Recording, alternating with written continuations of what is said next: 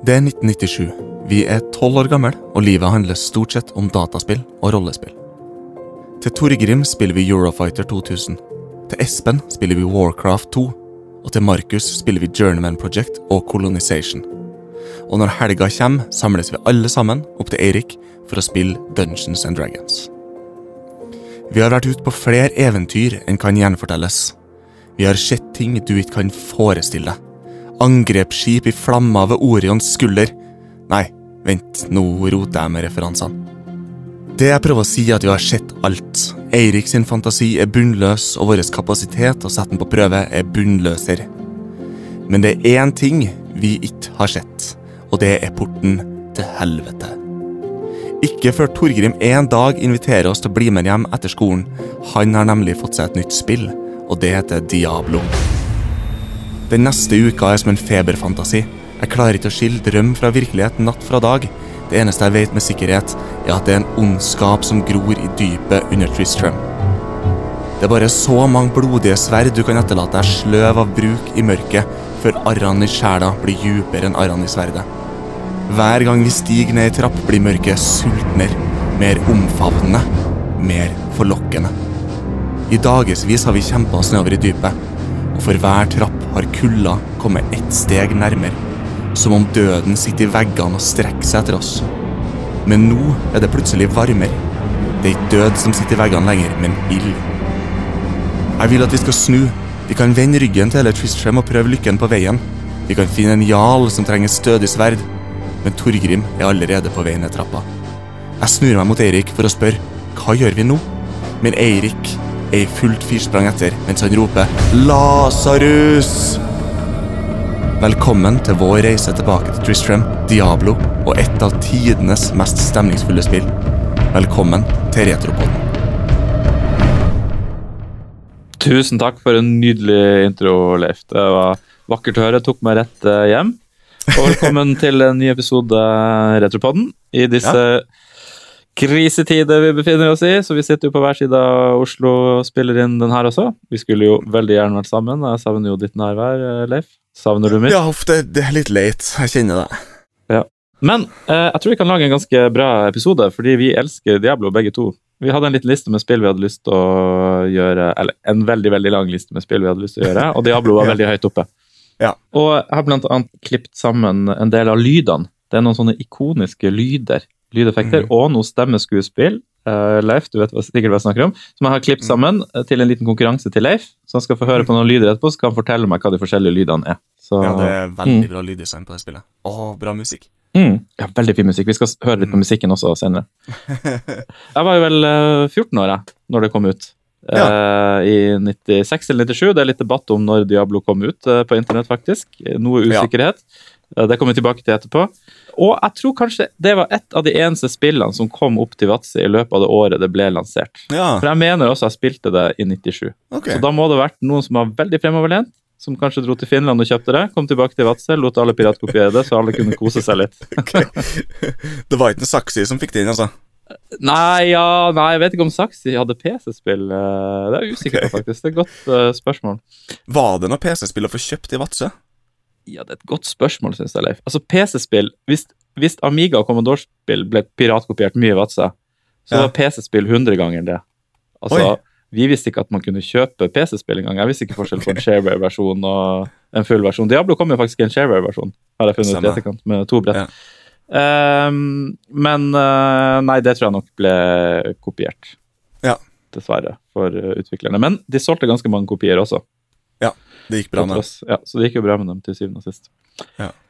Og de lever jo ennå i beste velgående. Det er Blizzard som ga det ut. Skal vi snakke litt først om det som har skjedd siden sist? Det syns jeg vi skal gjøre.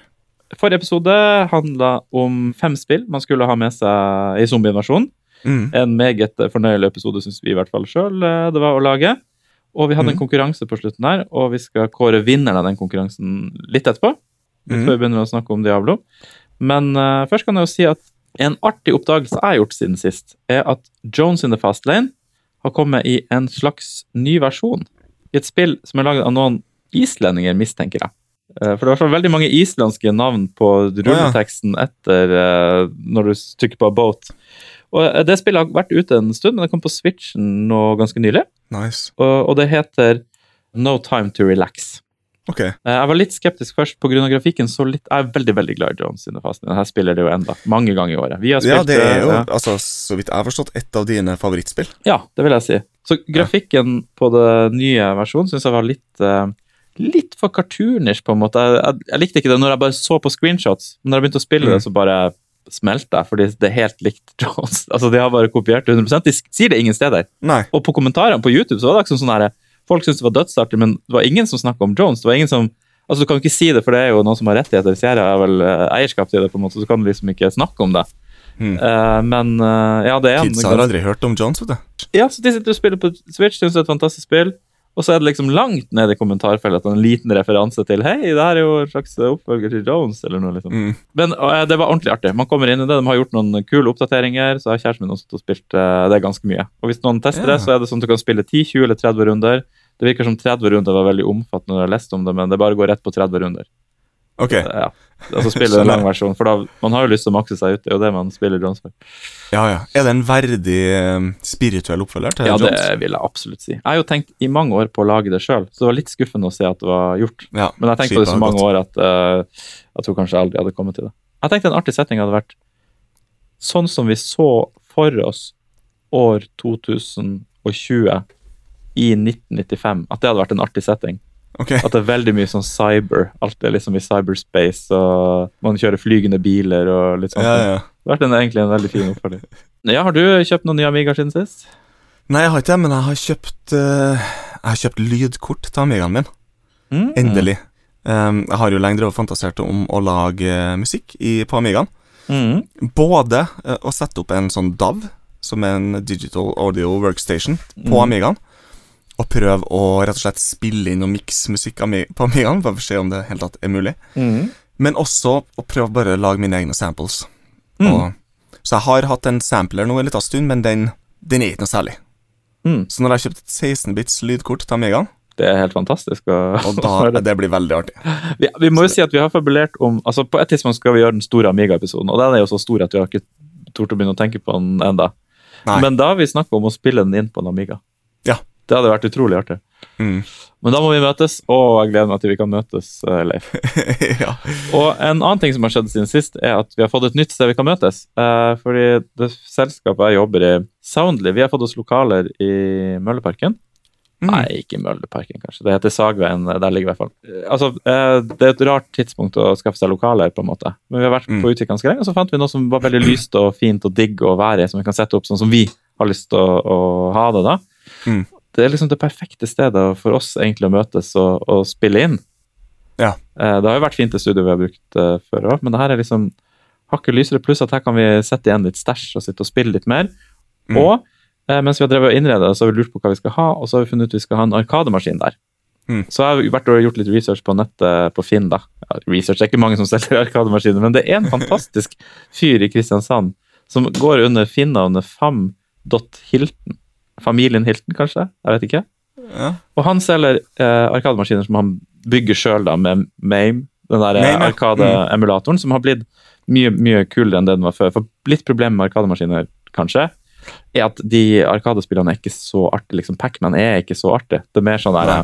Det står på en bar, og så spiller du litt Pacman. Det, det er liksom, du, du blir ikke, det er ikke Jeg mener, det er jo et klassisk veldig bra spill, men man trenger noen nye andre ting. Og han her har da bygd en fantastisk virker det som. Vi har ikke fått den her ennå, skal sies. Eh, eh, maskin der du emulerer veldig mange forskjellige system. Commodore Ja. 64, masse spill til det. Han skulle slenge inn litt Amiga 500 der. Og jeg ser også at han har Scum VM, så man kan sitte og spille Mm. det Tentacle, liksom. Altså det, På Arkademaskin. ja, det høres jo helt eh, epic ut, og det ser helt epic ut. Jeg, har datt helt ut på YouTube på de videoene hans hvor han viser frem de forskjellige maskinene. og hver gang Han bygger at, altså, han har ikke bygd dødsmange, jeg tror han akkurat har starta med det her. Jeg, bare, jeg tror det kommer til å bli kjempepopulært. Og endelig kunne ha en arkademaskin med Ja. artige spill som du kan sitte og spille. Ja. Så jeg tenkte det hadde vært perfekt for oss hvis vi kan spille inn episoder der, så kan vi sitte og spille litt. og Endelig så kan du ha en arkademaskin, og ikke være låst til alle de her kjedelige arkadespillene. ja, Hygge oss litt igjen. Husker du det, Leif, når vi pleide å hygge oss? I gamle Ja. Det var tider, det. Det var tider, ja. Det var faen meg tider. Ja. ja, skal vi gå videre på konkurransen, da? Ja, Skal vi fortelle om konkurransekriteriene først, kanskje? ja, la oss gjøre det. Mm. Så vi har jo da eh, bestemt oss for at eh, det er zombieapokalypsen, Mm. og man har kort tid på seg til å bestemme et system, og det må være fra før 1995, Mm. og det må være maks fem stykk programvare eller spill. Mm. Vi har jo fått inn en del uh, svar, det er jo koselig. Ja, overraskende mange. Overraskende Vi- engasjerte lyttere. Ja, Vi var jo Eh, bekymra for det sjøl. ja, det var jo test. Får vi noen svar hvis vi har konkurranse? Ja, det fikk vi faktisk. Eh, og vi har fått veldig mange fine. Folk som har tenkt seg Mm. ordentlig godt om, og det har vært noen interessante lister. Mm. Og vi har diskutert litt om vi skulle trekke en tilfeldig vinner, eller ta en liste som vi likte. Men vi kommer frem til at vi trekker tilfeldig. Det er mest rettferdig, egentlig. Ja. Så det jeg har gjort nå, jeg har putta alle navnene, eh, fornavnene til de som har sendt inn, i Python, altså et dataprogrammeringsspråk. Så har jeg programmert eh, Så har jeg egentlig lagd, eh, programmert en sånn random eh, sånn, Plukker et tilfeldig navn. Ja. Så nå har jeg lista her, så nå skal jeg skrive noen linjekode til. Sånn. Det var feil. Syntakserror. Random, hva jeg skal skrive. Ok, så når jeg trykker enter nå, så får vi svaret på hvem som har vunnet. Ah, spennende. Mm. Vunnet den fantastiske premien som er Sam's Journey til Commodore 64. Big box-versjon. Veldig fin å ha på hylla om man ikke har Commodore 64. Og jeg sender også med en digital kopi, da. Ok, er vi klar? Vi skal ha litt sånn spenningsmusikk. Kanskje jeg Mm. legger det på etterpå. Du, du, du, du. Da har jeg trykka enter, og jeg har fått eh, et svar. Er du klar, Leif? Mm. Ja. Erlend. Erlend. Yes. Kjenner du til Erlend? Ja. Det er Erlend Ja. Ja, Erlend har jeg her. Jeg har mailen hans opp her. Jeg bare leser opp besvarelsen til Erlend her. Det kan jo være litt hyggelig. Ja. Her er mitt bidrag til konkurransen, uke 15 2020. Når det gjelder valg av plattform, tenkte jeg først at jeg burde velge en plattform jeg ikke har noe særlig forhold til, og velge fem spill jeg aldri har hørt om. Så innså jeg at det ville være farlig gambling, som fort kunne ende med at jeg satt der med fire halvbra spill og en maskin jeg irriterte meg masse over. Jeg ender derfor på å gå for det åpenbare, en Amiga 1200 med 060 akseleratorkort og FPU. Så var det programmene. Jeg er en utålmodig sjel, og jeg vet at jeg fort ville gå lei av å spille. Derfor velger jeg å gå for en del software i tillegg til spill, for å få dagene til å gå. Så det første han har på lista, det er Blitz Basic 2. Mm. Det er en, et type basic Å oh, ja, skjønner. Kult. Mm. Mm. Så skriver han da Jeg er ikke smart nok til å klare å programmere noe, men hvert tredje til femte år får jeg ånden over meg, har glemt hvor ræva jeg er, og går inn for å lære meg det på nytt. Nice. Så det er perfekt. Blitz, ja, Blitz er det beste programmeringsspråket for noobs på Amiga, og sju år er en perfekt mengde med tid for å lære seg det. Det høres bra ut. Nummer to Civilization. Mm. Kanskje det spillet jeg har tilbrakt flest timer med. For jeg har lest anmeldelsen i datatid til jeg endelig fikk mitt første Big Box Amiga-spill i posten, og satt lange nattetimer utover sommeren mens andre var ute og bada. Spilte litt på, litt på høstparten for et par år siden, og det har holdt seg veldig godt skrevet. Mm, kult. Så nummer tre, Octamed 5. Min favoritt-tracker på Amiga. Ah, gøy. Mm. Så musikkprogram, da. Ja, samme her. Det er også min favoritt-tracker på Amiga. Jeg ble introdusert til tracking gjennom Octamed, og klarte aldri å bli fortrolig med andre trackere. Octamed var en inspirasjonskilde som gjorde at jeg senere lærte meg å spille piano og gå på musikkskole. Har en skuff full av chiptunes laga i Octamed. Elsker chiptunes, skriver Alan. Kult. Så nummer fire, Simon the Sorcerer. Mm, det er godt valg. Det er artig. Ja, det, det er jo en kandidat for en Retropodden-episode. Mm. Så skriver han Ja, jeg vet det er dumt å velge et spill man kan runde, men jeg får ro i sjela bare av å gå rundt i det spillet og høre på den nydelige musikken. Det er spillperfeksjon, ja, som aldri blir gammel. Mm. Ja, jeg er for så vidt enig i det, det er knallbra. Og så til slutt så har han på nummer fem Brilliance 2 AGA. Brilliance er Deluxe Paint, bare at mye bedre. Ah. Det har multiple undues, og du kan ha åtte brusher i minnet samtidig. Mm. Piksling var min store hobby på 90-tallet, deltok i konkurranser og bidro på demoer. Brilliance er et selvsagt valg. Så det var veldig kult. For en nydelig liste. Ja, Williams en har jeg aldri tukla med sjøl. Erlend har jo er fantastisk god innsikt. i Vi er jo stolt som har han som lytter. Ja, ikke sant? Skal vi eh, hoppe videre inn i Diablo-land, da? Ja, la oss gjøre det. David Brevik var stor fan av rogelikes. Han jobba i et lite selskap som laga klippart, og fantaserte om spillet han skulle lage, så snart han fikk stabla sitt eget spillhus på beina. Spillet skulle være moderne, turbasert, og permadeath skulle være obligatorisk. Det er tidlig 90-tall, og i klippartjobben blir den kjent med to grafikere, Max og Eric Shafer.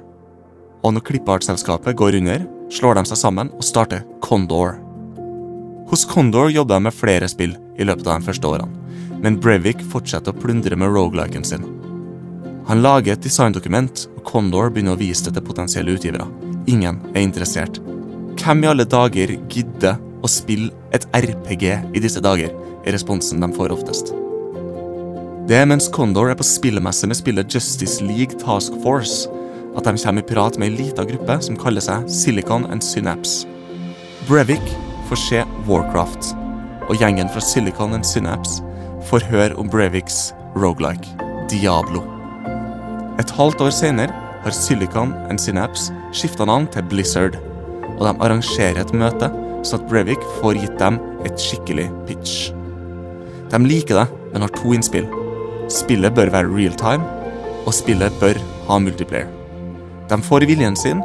Kort tid etterpå blir Condor Blizzard North, og resten er historie.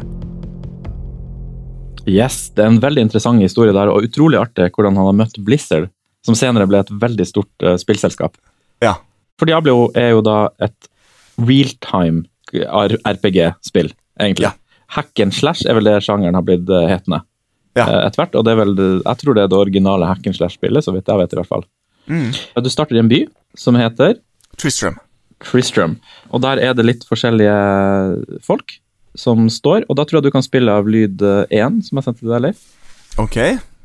Hello, my friend. Stay a while and listen. Det ringer det noen bjeller. ja. Det er Det er Kane, ikke det? Deckard Jeps, Kane. Det er Deckard Kane. Og det er Mm. akkurat det der voice-klippet der er noe som alle spiller Diablo har hørt. For, for det første Mm. må du opp til Deckard Kane, det er en av de som bor i byen. Så alle har hørt den der uh, lille linja der, og den har Mm. liksom blitt sittende fast. Så når jeg var nå uh, og hørte på litt Diablo-musikk, så var den øverste kommentaren veldig, veldig gøy uh, på YouTube da. Came to listen, stayed a while. Ja. Så det er liksom en linje som alle har hørt ganske mye. Ja. Eh, og veldig fint voice-skuespill på den, og det er noen andre sånne replikker som er veldig fine, og veldig fint lyddesign Mm. i spillet generelt. Lyder du husker 20 år etterpå, liksom. Så sitter, det, så sitter de med inne når jeg først, uh, først uh, hører dem. Så begynner det i byen, og det er et realtime rollespill, så du, har, du velger karakter. Du kan være warrior eller magiker, Mm. Eller Rogue. vel. eller rogue, som er litt mer sånn eh, som bruker pil og bu, altså armbryst og litt sånn. Mm. Og så er det ganske rett inn i action hvis du vil. Du går inn i kirka, eh, og under kirka så begynner ha de katakombegangene som tar deg ned til helvete, som er på nivå 16. Mm. Og det er et fantastisk fett spill. Eh, Det, det første sånn type rollespill som jeg har blitt ordentlig hekta på. Hvor du går der, du leveler opp, får mer styrke, kan kjøpe våpen, eller finne våpen som du trenger mer styrke på, bli, bli mektigere og mektigere og mektigere Mm. eh, jo lenger ned du kommer. Du har litt spels. Det er liksom rollespill light, på en måte. For noen rollespill før det her var veldig heavy, vil jeg si. Mm. Mye du måtte skjønne før du kunne begynne å spille. Her er det bare rett inn og spille, kose deg med en gang. Og det Mm. at det er realtime også veldig kult. Egentlig så var det jo eh, turn-based. Så da gjorde Mm. du din turn, og fin din turn. Det går mye saktere. Mm. Eh, han fikk beskjed av Blizzard om å lage det realtime, eh, og tenkte bare det her er en elendig idé. Jeg har jo skrevet altfor mye kode, det kommer til å gå dritlang tid for meg å skulle kode det her om. Ja. Eh, så tenkte han, tenkte han det, og så satte han seg ned for å gjøre det, og så fant han ut hmm, hvis jeg bare gjør hver turn til å være ett sekund, så blir det jo realtime. Så gjorde han det, og så ble det realtime. Så det var liksom en kodelinje, og så var det plutselig realtime. Og mye artigere å spille, da. merker han selv. Ja, ja han, han sier at han merka det med en gang. At Med en gang han klikka på et skjelett og kisen hans gikk bort og hamra det i hjel, så bare sånn Å, faen, det her er dritbra. Mm. Så det er en av de ja, få, Veldig få egentlig historier fra spill hvor, hvor um, utgiveren har kommet med et forslag som faktisk har vært godt, eller i hvert fall i forhold til Mm. noen historier som vi har hørt om noen hårreisende utgiverideer. Ja, ja, hjelper meg. Helt krise. Mm. Jeg syns jo det er et par ting som eh, altså, I den forbindelse med liksom, introduksjonen i spillet og sånn, som det kan være verdt å, å nevne. Og det at jeg syns de gjør en veldig god jobb i å sette stemninga med en gang. Mm. Den musikken som åpner i byen. Og det er jo, sånn som du sier, eh, noen innbyggere i den byen, men det er veldig få. Mm. Og alle sammen har noe tematisk viktig å fortelle. Mm. Så det er aldri sånn at du går bort til er ikke um, ei vakt i Oblivion du møter, på en måte. Mm. Alle sammen har en liten historie å fortelle, og alle sammen sier noe som gjør at man får lyst til å gå videre og utforske. Ja. Og det blir veldig fort tydelig at det er noe Det er noe forferdelig skummelt på gang Mm. i den kirka. Han ene fyren snakker blant annet om at de hører noe sånne forferdelige skrik derfra om natta og sånn. Mm. Og nå har vi hørt musikken fra spillet i bakgrunnen mens du har uh, snakka her, Leif. Mm. Den er så, den er så fin, den timen her, altså. Ja. Den første låta som treffer deg når du begynner eh, spillet, du, du begynner i byen, og så den som kommer, den satte seg altså så hos meg. Det er noe med stemninga i den. For Mm. før Før eh, Diablo Ok, så la oss begynne med, med Doom 2. Der var det trekk av musikk, Det var liksom ikke organisk musikk. Midi-musikk. Midi-musikk. Så husker jeg når Command Conquer kom og sånn, eh, da var det plutselig blitt ordentlig musikk som hørtes ut som ordentlig musikk, på en måte. Ja, Eh, med CD-rommen kan man kanskje si at det ble vanlig med, med Altså at, at eh, det ikke var lydkortene lenger som spilte av musikken. At det ikke var eh, midi-musikk som brukte et midi-library på lydkortet. Ja. Command Conquer er det første spillet jeg husker det var det, var det, men det var veldig industriell, det var sånn rock-metal-greier, liksom. Og det var først på Diablo at jeg liksom fikk ordentlig fin gitarmusikk. At det var en ordentlig Ja. gitar som faktisk hadde spilt det inn. Uh, og jeg satt og plukka det på gitaren min og satt og Mm. spilte det temaet. skjønner du hva jeg mener? Det var liksom mye mer stemningsskapende musikk enn jeg hadde hørt i noen spill før. Altså, Misforstå meg rett, eh, Monkey Island har fantastisk fin musikk, men den er liksom ikke Det ikke ekte, det høres ikke ut som den musikken som du hørte på radio eller kunne kjøpe og se. da. Nei. Det som jeg hører, i hvert fall når jeg hører musikken i Diablo, er at det, det er veldig Det er kompositorisk interessant, på en måte. Mm. Mens veldig mye av spillmusikk generelt, før det har vært veldig sånn en eller annen fløytemelodi og noen corny lyder og sånn. Mm. Det er jo selvfølgelig masse unntak til det, sånn som du sier Monkey Island, Little Big Adventure for eksempel, og en, altså masse andre spill som har masse fin musikk. Men det er den sammenhengen der med liksom eh, Det er interessant lyddesign, det er god produksjon, det er, Mm. det er veldig spesiell musikk. Mm. Hva heter komponisten, vet du? Ja, Så det er to stykker da som er kreditert uh, som uh, komponister og lyddesignere her. Mm. Men jeg tipper at det er Matt Ulman som har laga denne gitarmusikken. Mm. For han er gitarist. Og Glenn Stafford er spesifisert uh, som han som har hatt ansvar for den orkestrale musikken. Mm. Riktig. Men det er jo også litt eh, interessant kanskje at det går en veldig sånn rød tråd gjennom det sånn rent kompositorisk. Mm. Hvis det har vært to komponister her, så høres det ikke ut som to forskjellige personer som har laga musikken. Mm. Det er, Nei, det det er er, mye av de samme temaene, og det er mye av de samme liksom, eh, modale trekkene går igjen. Mm. Det var jo før koronaen, så man kunne jo sitte sammen og snakke og, Mm. og bli enige om ting. Mm. Men det her var jo etter nettet, det er jo interessant. Så det var jo um, online multiplayer, faktisk. Mm. Det er et ganske tappert forsøk på det, i det minste. Jeg tror jeg testa det en gang, og det var et veldig stort problem med juks. Så du Ja. hadde liksom bygd opp karakteren din, tatt Diablo, masse fett utstyr, så starter du online multiplayer, og det første som skjer, er at det kommer en fyr bort til deg, uh, dreper deg og stjeler alle tingene dine. og som da hakka det og liksom har mye med styrke og helt heftige ting. Ja. Uh, Så det var litt sånn der, ja. Det var litt nedtur. Jeg har aldri spilt eh, noe multiplayer utover det. Nei, jeg har heller aldri spilt noen av Jeg har ikke spilt noen av Diablo-spillene i multiplayer. Nei. Men jeg er skjønner at. Battlenet, som vel er det Diablo, Mm. Blizzard har brukt eh, i senere tid, det ble utvikla til Diablo. Det ble utvikla til Warcraft 2. Riktig. Da Diablo var under utvikling, så var liksom Battlenet helt ferskt. Ja, riktig. Altså. Så det ble at viktig for dem å få inn, eh, få inn Battlenet i i Diablo. Ja, det var noe utvikling på Mm. Battlenet som kom eh, til Diablo. De hadde aldri skrevet noen multiplayer-kode før de som lagde Nei. Diablo. Så de måtte gjøre alt det da i løpet av seks måneder eller hva det var, for å få det til Stemmer. Mm. funke. Vi kan jo gå inn litt i gameplay i spillet. Mm. Sånn som du snakka litt om i stad, så, så eh, går man inn i en kirke, så beveger man seg nedover. Mm. Og så er det den ene levelen etter den andre.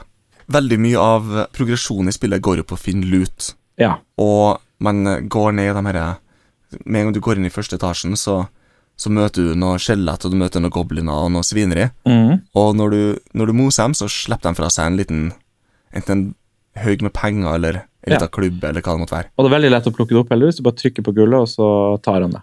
Ja. Eh, Så det er ikke sånn at du må inn og lute, se hva han har, plukket opp. Det går veldig fort. Nei, det er ja. ganske digg. Det er action. Mm. Og så er det å gå tilbake til byen, selge det, heal deg sjøl, Mm. kjøp nye våpen, gå tilbake igjen. Og så får du etter hvert også mulighet til å teleportere deg tilbake til byen, for du kommer jo lenger og lenger ned i hulene.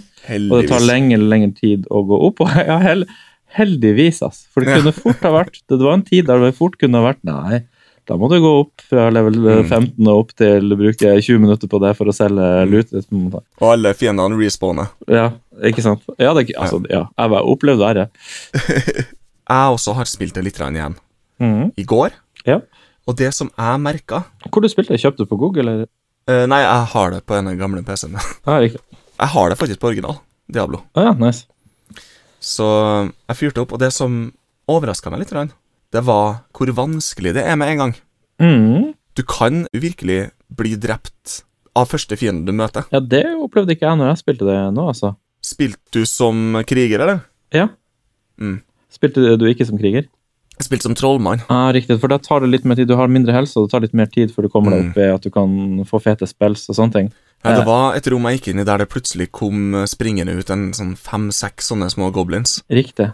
Og så klarte ikke jeg å komme meg unna fort nok, og så har det her Man treffer bare på 25% av Ja. angrepene, og så Nei, da, jeg gikk rett inn og hack and slash og kosa meg og tok de to første nivåene uten å egentlig ha noe problem med det.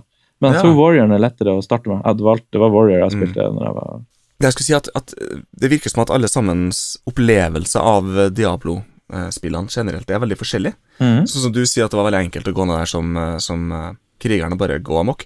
Mens jeg hadde trøbbel. Jeg døde ikke, men det var nære på. liksom Jeg måtte Mm. komme meg unna og komme meg tilbake til byen og gå tilbake igjen på allerede på første level. Ja, riktig. Interessant. Um, som er helt annerledes enn din opplevelse. Og det har jo litt med at, at eh, det er uh, noe random der. Mm. Så hvordan lut du finner, hvor mye skatter du finner, alt mulig sånt, er litt random. Den første ordentlig skumle kisen du møter, er jo han som kalles The Butcher. Ja. Og man kan ende opp med å ha en karakter der du bare ikke har nubbsjans til å håndtere han, Mhm. før du har vært i hvert fall et par leveler til lenger ned. Mhm. Og så kan du gå tilbake og, prøve deg på det rommet. da. Eller du kan bare gå rett inn og Mm. Mhm. Så det kommer litt an på ja, hvor heldig du har vært med karakteren. Mm. Og det Og hvor smart du har vært når du har uh, levela opp. Mhm.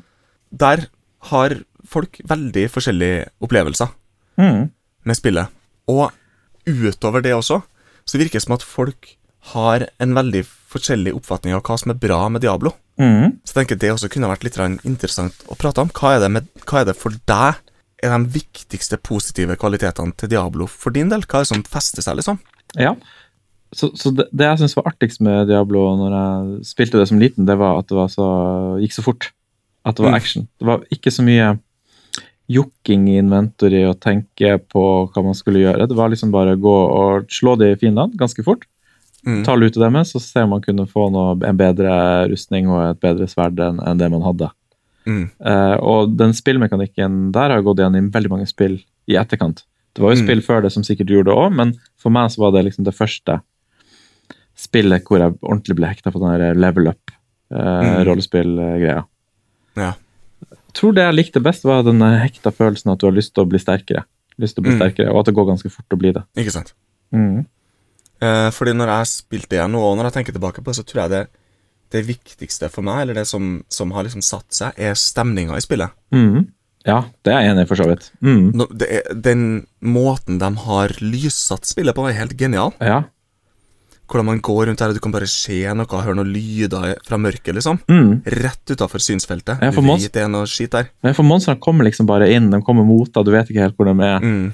Mm. Og hvis du er redd for dem, hvis du er litt underpowered, da, så er det jo Mm. ekstremt skummelt å gå rundt der. Mm. Og du må Det ha du- klar en teleportscroll hvis du så bare kommer deg bort. Ja, du kan bli trasha når som helst. Mm. Møte på et eller annet svineri. Den sårbarheten og den der, den der følelsen av at det er noe i mørket. Mm. Ikke sant? Jeg husker sånn som vi spilte, så minner det mye mer om sånn som jeg ville ha spilt et survival horror-spill i dag, Ja, sant. enn hvordan det var å sette seg ned eh, for noen dager siden og prøve å spille Diablo 3. Mm. Fordi det der hack and slash-greia, det virker som at det er det de har spunnet videre på Ja. i Diablo 2 og Diablo 3. Mm. Og der er du bare en sånn drapsmaskin umiddelbart. Mm. Og så er det også en ting som jeg har tenkt litt på i den forbindelsen. At jeg har lagt merke til at når jeg spiller rollespill, så foretrekker jeg å være svak. Jeg liker alltid de første levelene best. Mm. Jeg liker den der følelsen av å bare være en vanlig person Mm. som på en måte trosser mine fysiologiske svakheter Mm. og, og, og utrette noe Ja, ja, ja. utrolig. Absolutt, jeg skjønner hva du mener. Mm. Sånn som vi har snakket om, så kom det jo til 96 eller 97. Ja. Eller, eller det vil si, det kom ut imellom 96 og 97. Så ettersom jeg skjønte, så kom det ut i des 31. desember 96 Ja. for at det skulle være i butikkene 3. januar 97. Så når folk kom i spillbutikken nyttår, så var det det spillet de så, på en måte. Mm. En strategi som funka ganske bra. Og Blizzard hadde 20-årsjubileum for det 31.12.2016. Åh, Så, det. ja, så da er det en fest. Så, så jeg tror det er det som er den originale datoen. Ja. Mm. Eh, og så kom det på PlayStation 1 og Macintosh i 1998. Ja, litt dårligere reviews på PlayStation-versjonen enn de andre versjonene, har jeg lagt merke til.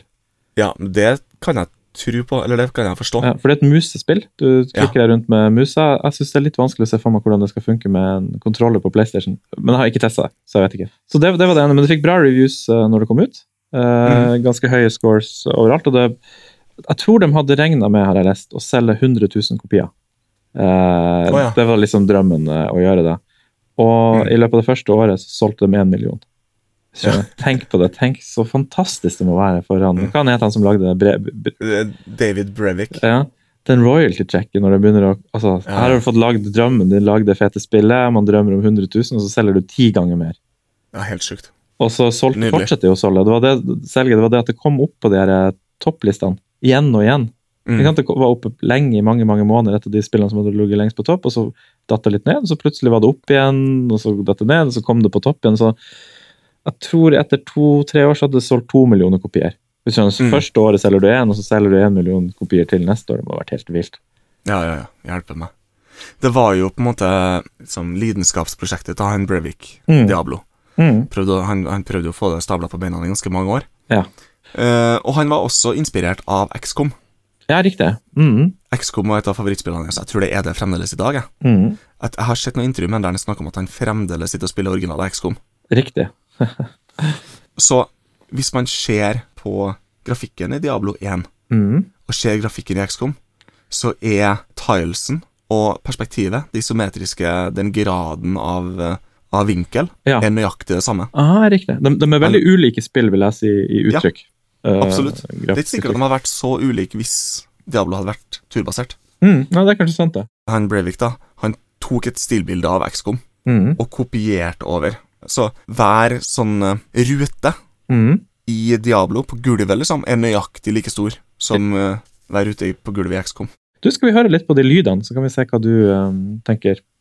La oss gjøre det. Den første lyden har du hørt allerede. Det var Mm. Kane som snakka. Nå skal vi trykke play på lyd to. Mm.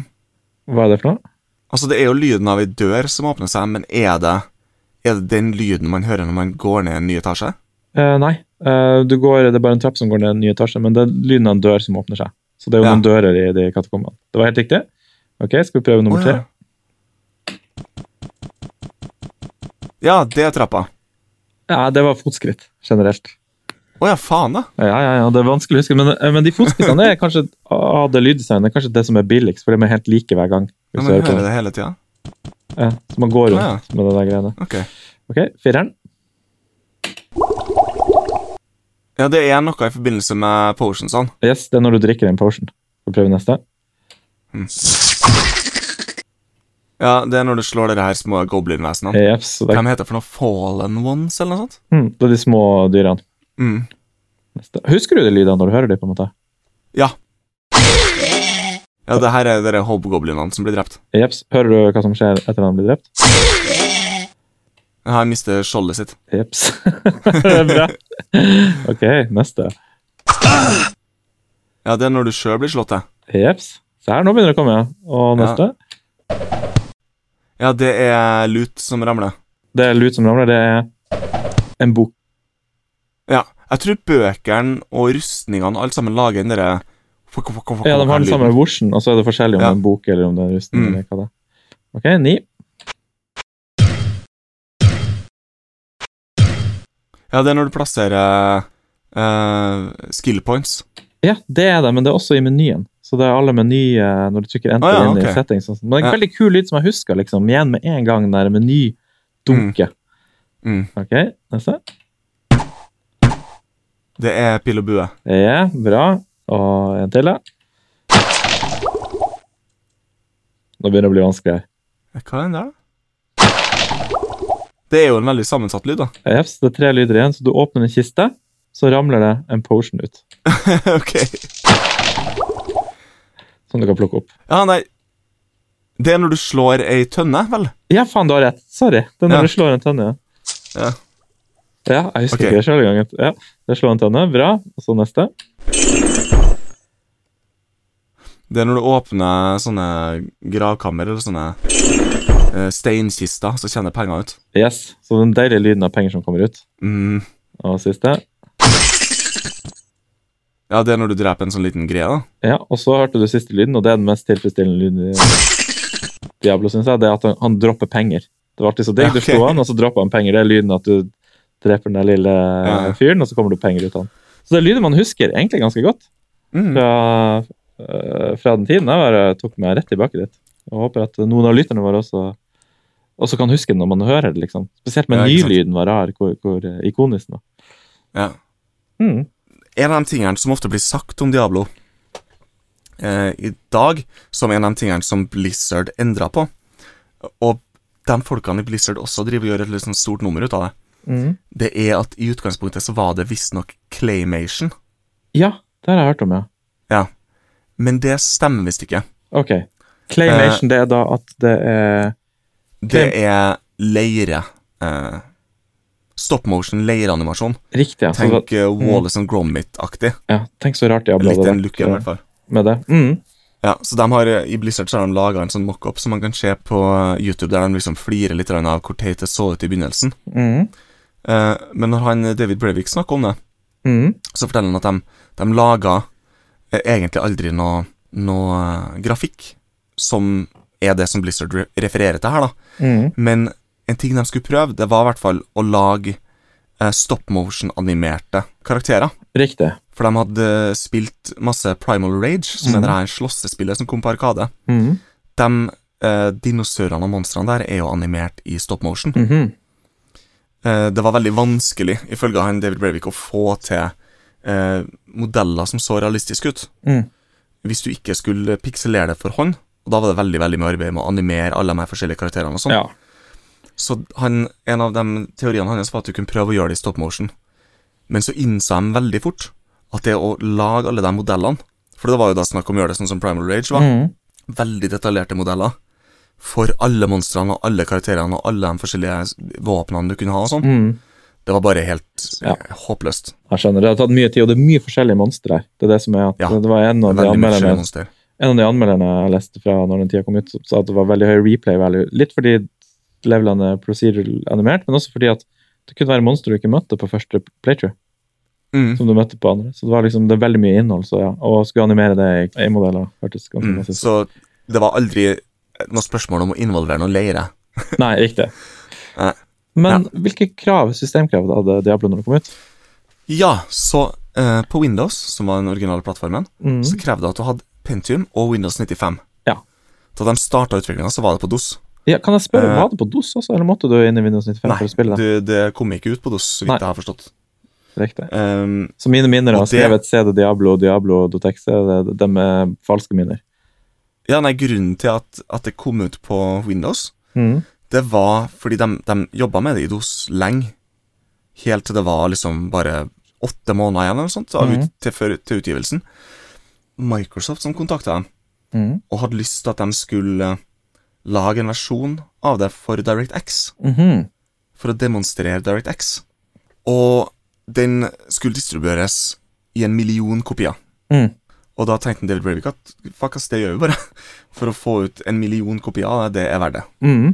Så de koda om det til DirectX, og merka med en gang at det bare Det funka veldig bra. Du trengte ikke å ha noe IRQ på lydkortet, alt sammen var Mm. bare det, det var mye bedre enn de hadde frykta at det skulle være, for det, det her er jo 1996, Mm.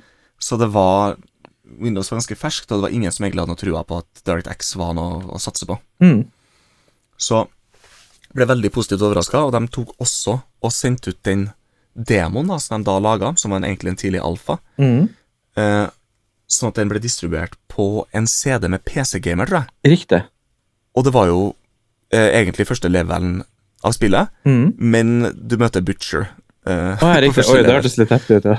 Ja, så du, du har ikke noe sjanse til å klare det, da. Mm. Men de fikk så positiv respons på det, og det funka så bra. at De droppa bare hele, hele planen om å gi det ut i DOS. Ja. Så det krevde Windows 95. Det Mm. krevde 8 megabyte ram, Mm. som jeg blir litt overraska over. Når, når man i dag Altså, vi sitter jo nå Jeg har jo eh, 32 gigabyte med ram på PC-en Ikke skryt. Men at, altså, på Amigaen min så har jeg 256 megabyte med ram. Mm. Og det er bare litt lett å glemme hvor langt man kom med 4, 8 og 16 megabyte med ram. Mm. Jeg merker jeg glemte, for de tallene sier man nesten ikke noe mer. Skjønner du hva mener? Det blir så lave tall i forhold til Mm. at det blir nesten vanskelig å regne 8 megabyte over til Jeg sitter kanskje med 16 gigabyte minne her, eller noe sånt. Mm. Det, er så, det, er så, det er så annet univers. Ja, jeg merker Det sjøl. Årene har Så gått så langt nå at jeg klarer ikke å omstille meg til å tenke 8 megabyte ram, hva det betyr. Mm. 8 megabyte ram, Pentium, Windows 95, DirectX 3. Så krevde det at du hadde to speed CD-rom, Mm. Riktig. og så krevde det at du hadde et SVGA-kort. Det vil si 640 ganger 480 og 256 farger. Mm. Og så støtta det en til fire spillere. Ja, For de som eh, Så, prøvde det. Ganske greie krav i 1996. Mm. De fleste kunne spille. Så kom det også på PlayStation 1, og, Mm. så var det også på Macintosh. Macintosh. Ja, Interessant. Mm. For Macintosh så krevde at du hadde en PPC, altså PowerPC Mac. Mm. Riktignok, så vidt jeg kan forstå, den første. Det, det var nok med den prosessoren som het PPC 601. Mm. Så det her var jo da før Apple begynte å, å gi prosessorene, PPC-prosessorene, egne navn. G3, G4 og G5. Mm. Og bare holdt seg til det som var liksom IBM og Apple og Motorola sine navn. Mm. 601. Og den lurer jeg på om var en sånn her type 50 MHz-prosessor. 50, 60, 75. Samme som Pentium, på en måte. Ja, skjønner. Det krevde at du hadde system 7,5, Mm. 16 megabyte med ram Ja, riktig. og to speed CD-rom. Det er jo en litt sånn interessant greie også, som vi har sett her nå når vi har sett på spill som har vært utgitt både på PC og Mac, at Mac-versjonen krever nesten alltid dobbelt så mye ram. Mm. Ble det porta til noen andre plattformer? Nei. I 1996 så var jo ikke så veldig mye annet. Det var jo Mac og Windows som var igjen. Mm. Tror, jeg mener, at det har kommet en, eh, en sånn open source-klon av Diablo nå i det siste. Ja, det- virker som at kildekoden til Diablo på en eller annen måte har kommet ut. Fordi GOG, Good Old Games, de har laget en Windows-versjon som Ja. kjører på Windows 7, 8 og 10. Koster 10 dollar eller noe sånt. Som, som de da har Jeg tror de har brukt originale kildekoden for å lage Mm. Porten på en måte da, til moderne Windows-systemer. Og i den sammenheng har den Brose-versjonen som hadde testa, også kommet. Og det Mm. virker som at, at det er et lite miljø rundt å, å porte det, så Ja. kanskje det kommer til Amiga snart? ja, det har kommet på Amiga. Det er det det har gjort. Det kommer på Amiga. Når, når det kom? Det er et prosjekt som heter Devilution, Mm. som noen visstnok har porta til Amiga. Det krever at du har en helt mental Amiga å spille. Mm. Men det skal visst være spillbart, Kult. så vidt jeg har forstått. Ja. Mm. Så kan du ta det med deg på hytta. Når uh, zombie-versjonen kommer, kanskje. Ja, jeg får ikke spilt det på min Amiga 3000, dessverre. Ja, riktig. Var 3000 du skal med. Mm. Ja. De gutta som har lagd spillet, de utviklerne, Ja. hva, hva er det de har gjort i ettertid? Så de fortsatte jo i Blizzard North Mm. i ganske mange år, og de eh, laga jo forholdsvis kort tid etterpå Diablo 2. Mm. Det er samme gjengen som står bak. Mm. Og det er et kult spill også, sånn som jeg kan huske det. i hvert fall. Nå har jeg veldig lite mindre av spilt det, men jeg mener Mm. at jeg har gjort det. Jeg spilte egentlig aldri det, men Mm. jeg har eh, kompiser som har spilt det, og som mener at det er veldig bra. Mm. Men uh, de fikk aldri gitt ut Diablo 3. Så de drev og utvikla Diablo 3 i årevis, Mm. men så ble studioet stengt ned, og folk, eh, de folkene forsvant i, til alle forskjellige kanter. Mm. Og flere av dem, Eric og Max Shafer for eksempel, de starta selskapet Runic, og det er dem nå som lager Torchlight-serien. Mm. Det kjenner ikke jeg til. Ja. Det er jo uh, den spirituelle arvtakeren til Ah, Diablo-serien. ok, Det er laga av, av mye av de samme folkene, og Mm. toeren kom ut samtidig som Diablo 3, cirka, Mm. mener jeg. Og nå driver de og jobber med Torchlight 3, da. Jeg liker de spillene veldig godt. Jeg lurer på om de har samme komponist nå, jeg, faktisk, som Diablo har. Ja, riktig. Det har veldig lik musikk, i hvert fall. Det er veldig Det er ikke riktig å er samme stemninga, for det er mye mer sånn eh, tegneserieaktig, mye mer barnevennlig. Mye mer mm. corny og artig, liksom. Mm. Men veldig, jeg synes jeg liker de spillene, Torchlight-spillene mye bedre enn jeg, enn jeg likte Diablo 3, i hvert fall. Mm. Interessant.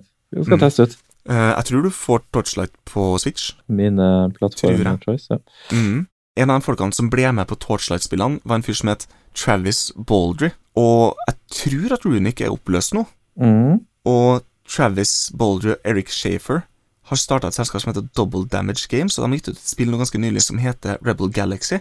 Mm. Som er et sånt elite-lignende spill. Ja, det hørtes litt kjent ut. Rebel Galaxy. Mm, det skjer, jeg, jeg har det, men jeg har ikke spilt det, men det ser veldig veldig kult ut. Og det er helt sprøtt å tenke på at det er de to kisene som lager det spillet. Og det er bare to stykker?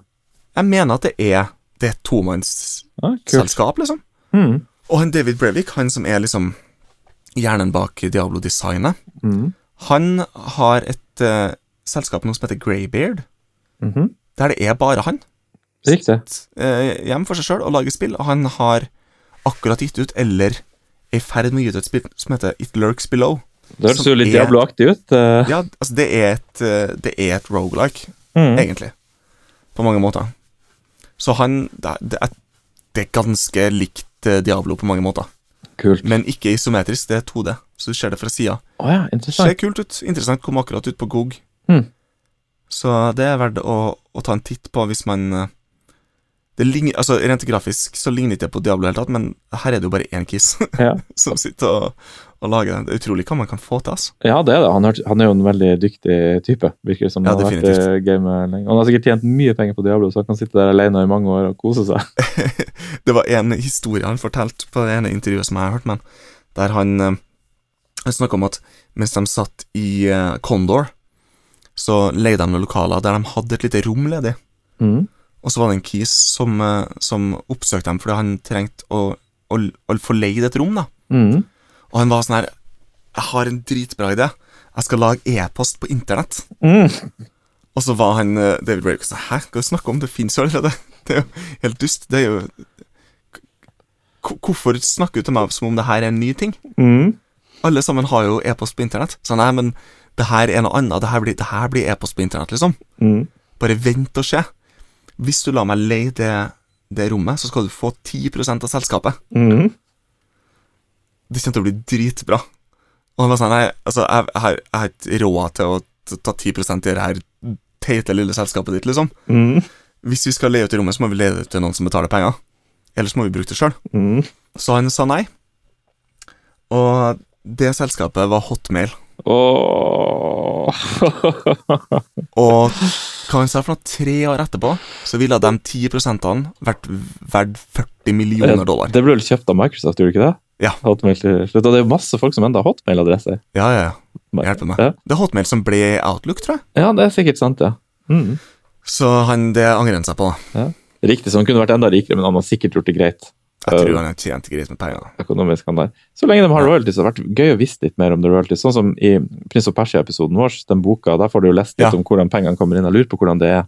Ja, eksempel i Diablo. Det er jo team som lager det, det er jo Blizzard som gir det ut hvor mye han sitter med. Jeg vil jo tro at er de har en god ordning på det. En av de tingene som han snakker mye om, han David Braddock, da, som blir veldig tydelig når man hører den historien der, Mm. er at han var ikke noe businessman. Mm.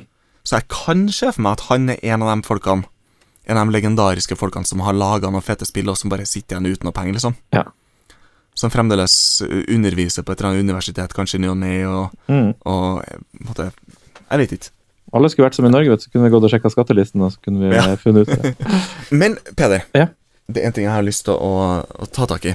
Eh, på tampen, Mm. mens jeg drev og, og liksom leste meg opp litt på Diablo og sånn, så bestemte jeg meg for å sjekke ut hvilke andre spill som kom ut i 1996. Mm. 1996 var det året, det første året jeg fant ut at det kom ut i 96, men det viser seg at det var jo, kom jo egentlig ut i 97. Men da jeg satt og leste om andre spill som kom ut i 96, så ble jeg bare helt slått i bakken av hvor sprø den lista er. Mm. Bare hør på det her. Det er helt bananas. 1996. Mm.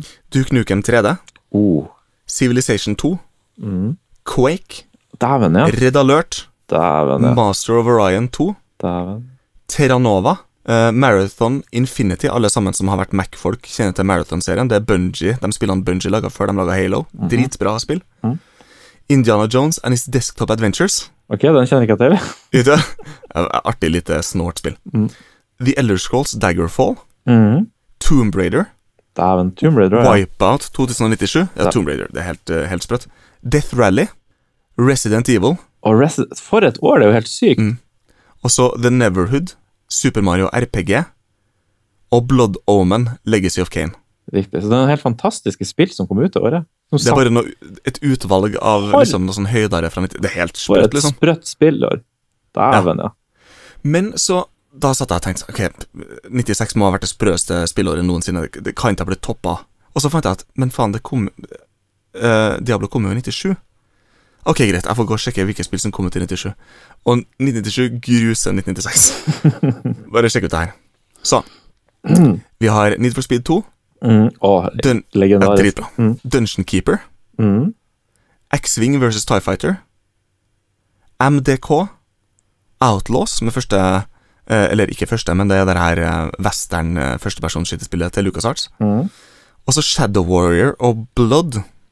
De her to 3D Realms-spillene som er basert på Duke Nukem-motoren. Mm. Carmageddon. Carmageddon, ja. Å, det likte jeg. Mm. Så Oddworld, Abes Odyssey og Å ja, Imperialism. Oddworld, ja. Mm. og så Warlords 3, som er et av mine favoritt-turbasert strategispill. Mm. Close Combat, A Bridge Too Far, så Close Combat 2. Kjempebra. uh, egentlig et slags en spillversjon av det gamle brettspillet Squad Leader. Eller Advanced Squad Leader. Mm. Veldig kult. Og Fallout 1. Å, dæven, ja. Mm, Total Annihilation. Jedi Knight, Dark Forces 2. Altså, det var mose på her. Age of Empires, Grand Theft Auto, Blade Runner, Curse of. Island, Tomb Raider 2, Å. Independence War, Worms 2, Quake 2, Turrock og Nintendo 64 med Golden Eye, Mario 64, Star Fox ja, 64 og. Mario Kart 64. For, for da du begynte på lista, så tenkte jeg 96 var jo smalt litt mer for min del, men når du avslutta med de titlene der, så smeller det ganske greit i 97. Altså, det som jeg regna for de beste Castlevania-spillene noensinne, Symphony of the Night, kom ut i 97. Grand Turismo og Final Fantasy 7. Ja. Og det går jo for å være et veldig bra Final Fantasy-spill. Ja. Og Mortal Kombat 4 og Mm. Turok. Turok kan jeg huske også. ja. Men at Ja. GTA 1 kom ut Altså, det var ja, Jeg er enig med deg. 97 smeller mer enn eh, 96 plutselig. Du, Det minner meg om noe helt annet, og det er filmåret 99. Har du noen gang tenkt på det? Eh, jeg har hørt om det. Ja, jeg tenker ofte det på det. Ofte tenker jeg på hvor sykt det filmåret var. Ok, er du klar? Ja, kjør på. For det første så kom The Matrix. altså. Ja. The Matrix det topper alt uansett. Fight Club, Mm. Den sjette sansen, American Beauty, The Blair Witch Project, Being uh, John Malkovich, Ja. Star Wars Episode 1, ja, okay. Klassiker. uh, American Pie, Toy Story Mm. 2, Ice Wide Shut, Magnolia, The Insider, Boys Don't Cry Altså, Notting Hill. Skjønner du hva jeg mener? Det er bare Ja. det sykeste filmåret noen gang. The Green Mile. Altså, Ja, den er bra. jeg, jeg skjønner ikke hvordan det går an å, at, at det året eksisterte. Mm. At de filmene kom ut, og at jeg så så lite film det året, sikkert fordi jeg bare hadde VS-spiller og ikke kunne se på DVD-er. Var ikke kino i Vadsø? Jo da, eh, de kalte det kino. Ok. Mamma var faktisk kinosjef i Vadsø oh, ja. en periode. Men hun Yes. var veldig glad Hun dro på filmfestival og så, så sånne franske kjærlighetsfilmer. og sånn, Så kjøpte hun de inn. Oh, ja. Så det var ikke så mange som dro og så, men jeg fikk mamma sendte ofte meg med mine venner for å se på de. For å Ja, ja. fylle opp salen litt, hvis du skjønner hva jeg mener. Ja, jeg Så så mye rare franske kjærlighetsfilmer i løpet av mine år der oppe. Jo da, det var en fin, eh, hyggelig kino, for så vidt. Tøft. Ja. Altså, hjelp meg, det var jo det vi hadde. Ja. Vi har sittet og kosa oss her på hver side av byen. Tenk så heldige vi er som får lage de her artige retropod-episodene. Det er jo så kos. Ja, Sitte og spille litt altså. Diablo, lese seg litt opp på det, og få lov å sitte og snakke litt om det. Og at noen gidder å Mm. høre på det. Det er jo Ja, ganske det er. Det er jo et smalt tema vi har valgt. Gamle dataspill. det Det er jo Ja. mitt favorittema, så det er jo Ja. Det er bare sånn det blir. Og til Erlend som vant konkurransen, så tar vi kontakt med deg for å sende, sende spillet. Mhm. Um, Og vi må desinfisere det og pakke det ja, jeg skal sprite det ned og pakke det godt inn. Så eh, det kommer til å gå veldig bra, håper jeg. Og så igjen, bare takk til alle sammen som sendte inn på den konkurransen. Det var veldig artig å sitte og lese de eh, e-postene, altså. Ja, det var veldig mange fine. Vi burde nesten ha tatt tak i flere av de listene, for det var mye interessant der. Mm. Det var veldig mye eh, liksom artige valg Ja. som jeg ikke ville ha tenkt på sjøl. Spesielt hun, um, Re- Rebekka hadde noen uh, artige Mm. Definitivt. valg der. Deluxe Paint og ja. Adventure Game Studio. Ja. Veldig Det var litt sånn smart. annerledes valg enn de tingene vi har vært inne på. tenkt. Ja, ja. Men Det var veldig artig å se hva folk Mm. har. Og fikk også faktisk noen forslag på min rike venn Arild. Jeg sendte faktisk inn uh, forslag. Han hadde en ganske fin liste med uh, interessant nok Snes-spill. Ja. Skal vi se om jeg har lista her. Snes Super Mario World, uh, Teenage Mutant uh, Turtles 3, Turtles in Time, Mm. Mhm. Super Mario Kart, Street Fighter 2, The Legend of Zelda, Link to the Past. Det, mm. Som har kommet ut i nye versjoner. Jeg syns det var interessant, men Snes-lista. Ja, ja definitivt. Og så fikk vi jo en eh, Vi fikk en e-post også fra Eivind. Ja. Og når han, når han eh, når, Altså, når jeg leste lista hans, så tenkte jeg at det her kunne like så godt vært lista til en Peder, eller min, for den saks skyld. Mm. Så Settlers, Ufo, Railroad Tycoon, uh, Syndicate, Player Manager, liksom. Mm. Syndicate, ja. Mm. Det er jo en av dine favoritter. Ja, ja, ja, absolutt. Jeg hadde jo hatt det med hvis ikke jeg hadde spilt gjennom det mange ganger. Det er jo absolutt Syndicate uh, dukka også opp igjen på lista til Paul. Mm. Paul er jo han som har drevet og kjørt meg ut på Amiga-treff. Ja, Han er på så ja. Mm. Mm. Han også hadde med Blitz Basic, ganske utrolig. Og Settlers. Settlers på veldig mange lister. Ja. Mm. Nei, det. Det var veldig artig, så vi må ha en konkurranse igjen. Definitivt. Finne et uh, artig tema. Så vi har allerede begynt å se litt på interessante premier. Ja. Tusen takk for at du lytter på. Så kommer vi snart tilbake med en ny episode. Min store drøm er jo som vanlig da, å få lagd den Commodore 64-episoden, men da har vi jo Mm. lyst til å sitte sammen og gjøre det. Og så har vi jo en uh, Tiki-episode vi er nødt til å få Jeps, ferdig. vi må få fart på Tiki-episoden.